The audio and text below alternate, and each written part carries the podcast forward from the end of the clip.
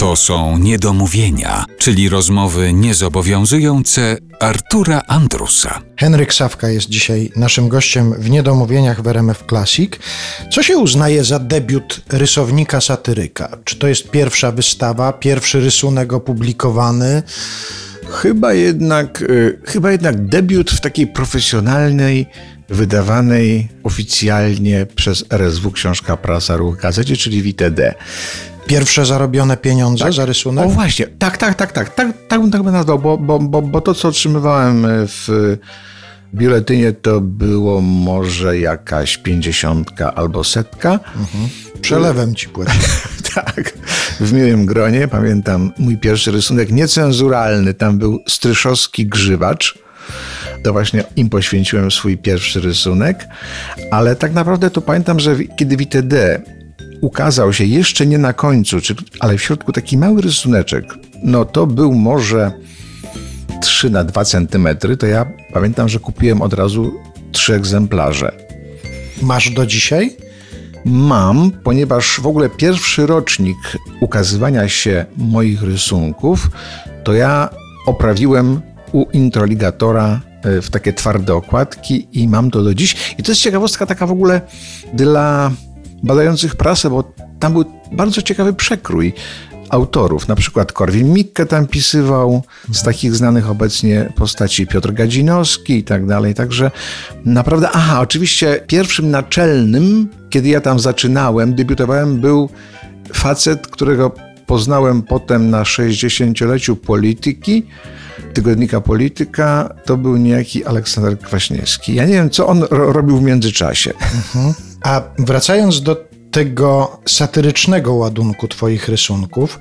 Powiedziałeś, że Ty rysowałeś od zawsze, że zacząłeś rysować konie, ale te konie pierwsze już też były w jakiś sposób wywoływały uśmiech na twarzy oglądających, czy to na jakimś etapie dopiero stwierdziłeś, że rysunek może też powodować to, że człowiek się uśmiechnie, czy zareaguje śmiechem na coś takiego? Tak, bo ja robiłem złośliwości kolegom, na przykład jeden z moich przyjaciół Mm, więc mogę tutaj śmiało tę historię powiedzieć. Mój przyjaciel klasowy y, miał taką ksywę muł, no tak się mówiło o kimś, muł.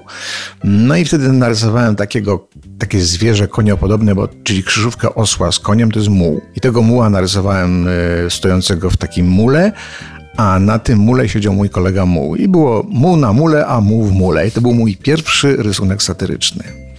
Y, to było chyba w siódmej klasie szkoły podstawowej. Kupowałeś gazety y, z rysunkami jakichś twoich poprzedników, tak, mistrzów rysunku tak, satyrycznego? Tak, tak, tak, tak. Ja się, mogę, ja się wychowałem rysunkowo tak naprawdę. Oczywiście na początku zachwycałem się flisakiem, w Świerszczyku, który miał taki cykl komiks trójdzielny, co robi nasz Bobik. Potem oczywiście w czytance były rysunki Gwidona Miklaszewskiego. Też go bardzo lubiłem, ale tak naprawdę taki intelektualny już y, impuls dały mi rysunki Andrzeja Mleczki, które ukazywały się w szpilkach. I to była wtedy rewolucja. Mleczko był naprawdę inny, miał taką szarpaną, taką kreskę, taką brzydką wtedy, znaczy brzydką, ale taką wyrazistą. I pamiętam, że dla rysunków mleczki kupowałem szpilki, a z kolei Laskowika słuchałem z nagrań gdzieś tam zrobionych na famie i to było takich dwóch moich idoli, od których uczyłem się y, właśnie życia trochę, bo mam przyjaciół, którzy się uczyli życia z życia, a ja się uczyłem właściwie y, z satyry. I pewnych rzeczy jeszcze nie znałem, ale już znałem je z satyry. I pamiętam, że też uczyłem się tych monologów Laskowika. Właśnie same wchodziły mi do głowy i szpanowałem w towarzystwie. A puentą jest to, że z obydwoma się potem zaprzyjaźniłem. Z Andrzejem absolutnie właśnie w Krakowie na, na Pace, tam go poznałem i przyjaźnimy się do dziś, wymieniamy sobie często poglądy, dzwonimy do, do, do siebie, żeby się utwierdzić, że jednak nie zwariowaliśmy.